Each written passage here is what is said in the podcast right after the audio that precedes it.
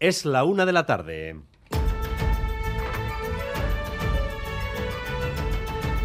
Crónica de Euskadi con Dani Álvarez. A Rachaldeón, el gobierno vasco saca la chequera para reducir la edad de emancipación de los jóvenes. Actualmente, de media, se emancipan a los 30 años. El gobierno vasco otorgará 300 euros de ayuda mensual a jóvenes de los 25 a los 29 años para que puedan empezar su vida de manera autónoma cuanto antes. Irache Ruiz. Más de 7.000 euros o lo que es lo mismo, 300 euros al mes durante dos años para quienes cobren menos de 28.000 euros brutos. La ayuda será para los jóvenes de entre 25 y 29 años que den el paso y se independicen a pesar de las dificultades económico-laborales. Es un objetivo estratégico según Íñigo Urcuyu. El adelanto en la edad de emancipación es una prioridad para el Gobierno vasco. Su retraso trastoca el desarrollo de los proyectos vitales de la juventud y contribuye al desequilibrio demográfico. Tranquilidad porque esta ayuda no se concederá hasta el año que viene. A los jóvenes la medida les parece muy bien. Casi 30.000 de ellos están en esa franja de edad para emanciparse, pero no pueden. Bueno, que está bien, ¿no? Que es una ayuda y que hay que promover también que la gente joven se pueda ir de casa, ¿no? Porque al final acabamos yéndonos de casa, sino con 30 y muchos, 40. Una vez que empiezas a trabajar, pues tu salario puede no ser suficiente para independizarte, por ejemplo. Todo lo que esté sea dinero para salir fuera, pues está bien, ¿no? Así que en principio es una medida que puede venir. Y además, las instituciones vascas muestran hoy un cierto malestar con Cuchabank por su recurso contra el nuevo impuesto a los beneficios extraordinarios. Decimos cierto malestar porque se expresa con palabras no ásperas, pero vamos, que el consejero de Economía desea que ese recurso no prospere y el alcalde de Bilbao le dice al banco que no todo en su gestión debe ser pensar en beneficios. Yo prefiero que no y espero que no, pero a partir de ahí no le puedo decir más. Creo que el componente solidario, el componente de responsabilidad social tiene que estar ahí y lo que se hace con el impuesto es intentar repartir esa riqueza. Es legítimo, por supuesto, que Cuchabank defienda, defienda sus intereses, eh, cómo no, no, pero yo apuesto por, por la responsabilidad social y por la solidaridad. ¿no? Osakidecha se consolida en el segundo lugar, el segundo puesto de las preocupaciones de la ciudadanía vasca.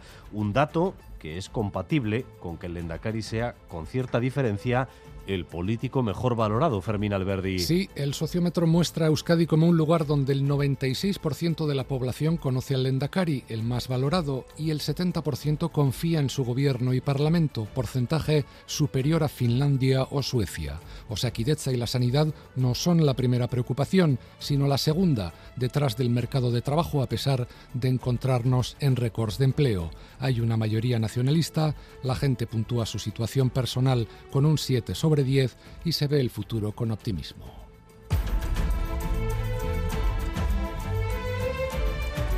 Dentro de una semana, justamente, se va a cumplir un año del inicio de la invasión de Ucrania.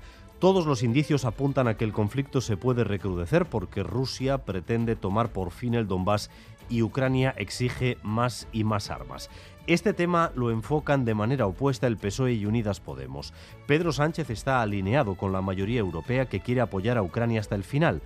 Unidas Podemos les pide, sin embargo, que recapaciten y que hagan más esfuerzos diplomáticos. Madrid y Sarobaza.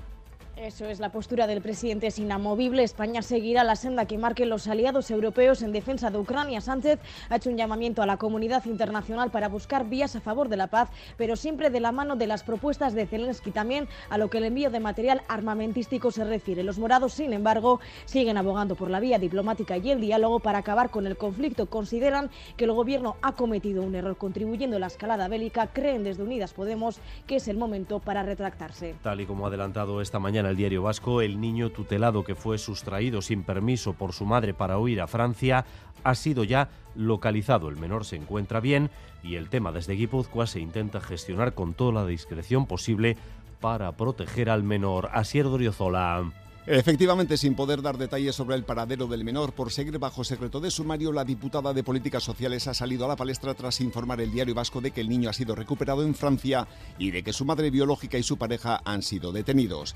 Ahora hay dos opciones. Una es que la madre y el niño se queden en el país en cuestión, pero la jueza podría requerir que se les traiga a Guipúzcoa. Maite Peña, diputada.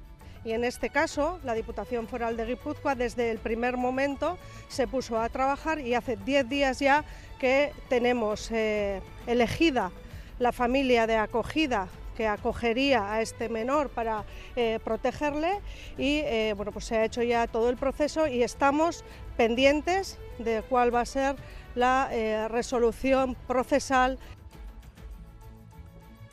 y hoy entra en escena el Vasconia en la fase final de la Copa. Enorme ilusión en Vitoria ante la posibilidad de que los vasconistas puedan hacer algo grande. Álvaro Fernández Cadierno, Arrachaldeón. Arrachaldeón a las nueve y media, el Juventud es el equipo anfitrión, es el rival. En principio, Vasconia es favorito, pero ojo que ayer el Barça caía eliminado ante el Unicaja. Lo que está asegurado es el ambiente. Hablamos de un mar que no es un mar, de un mar que no tiene agua, de un mar...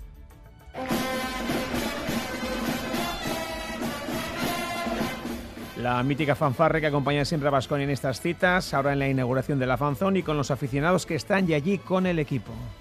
El año pasado echamos de menos el, estar por ahí viéndolo por la tele. Lo vamos a pasar muy bien y vamos a disfrutar. No es la mejor ciudad, una ciudad grande para hacer una copa, porque los ambientes se diluyen más, más bonito, ciudades más pequeñas, no tipo igual Valencia, Vitoria, Granada, eh, cosas así pero disfrutaremos. ¿Qué más da este año? El anterior, vamos a siempre con ellos. Entonces, siempre te puede gustar uno o más otro, pero Pasconia a muerte y ya está. Sutan.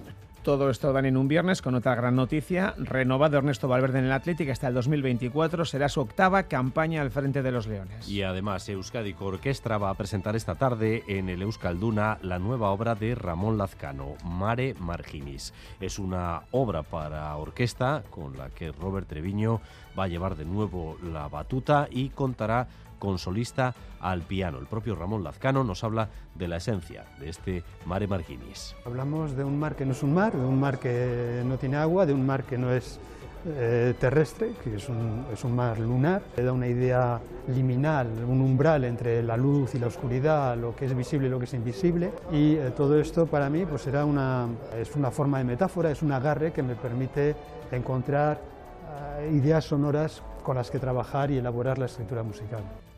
En cuanto al tiempo, de nuevo hoy tenemos cielos despejados y ambiente templado, primavera adelantada con temperaturas que están por encima de los 15 grados en Donostia o en Bilbao también en Bayona. Gasteiz 11 grados ahora mismo, Iruña 9 en el tráfico.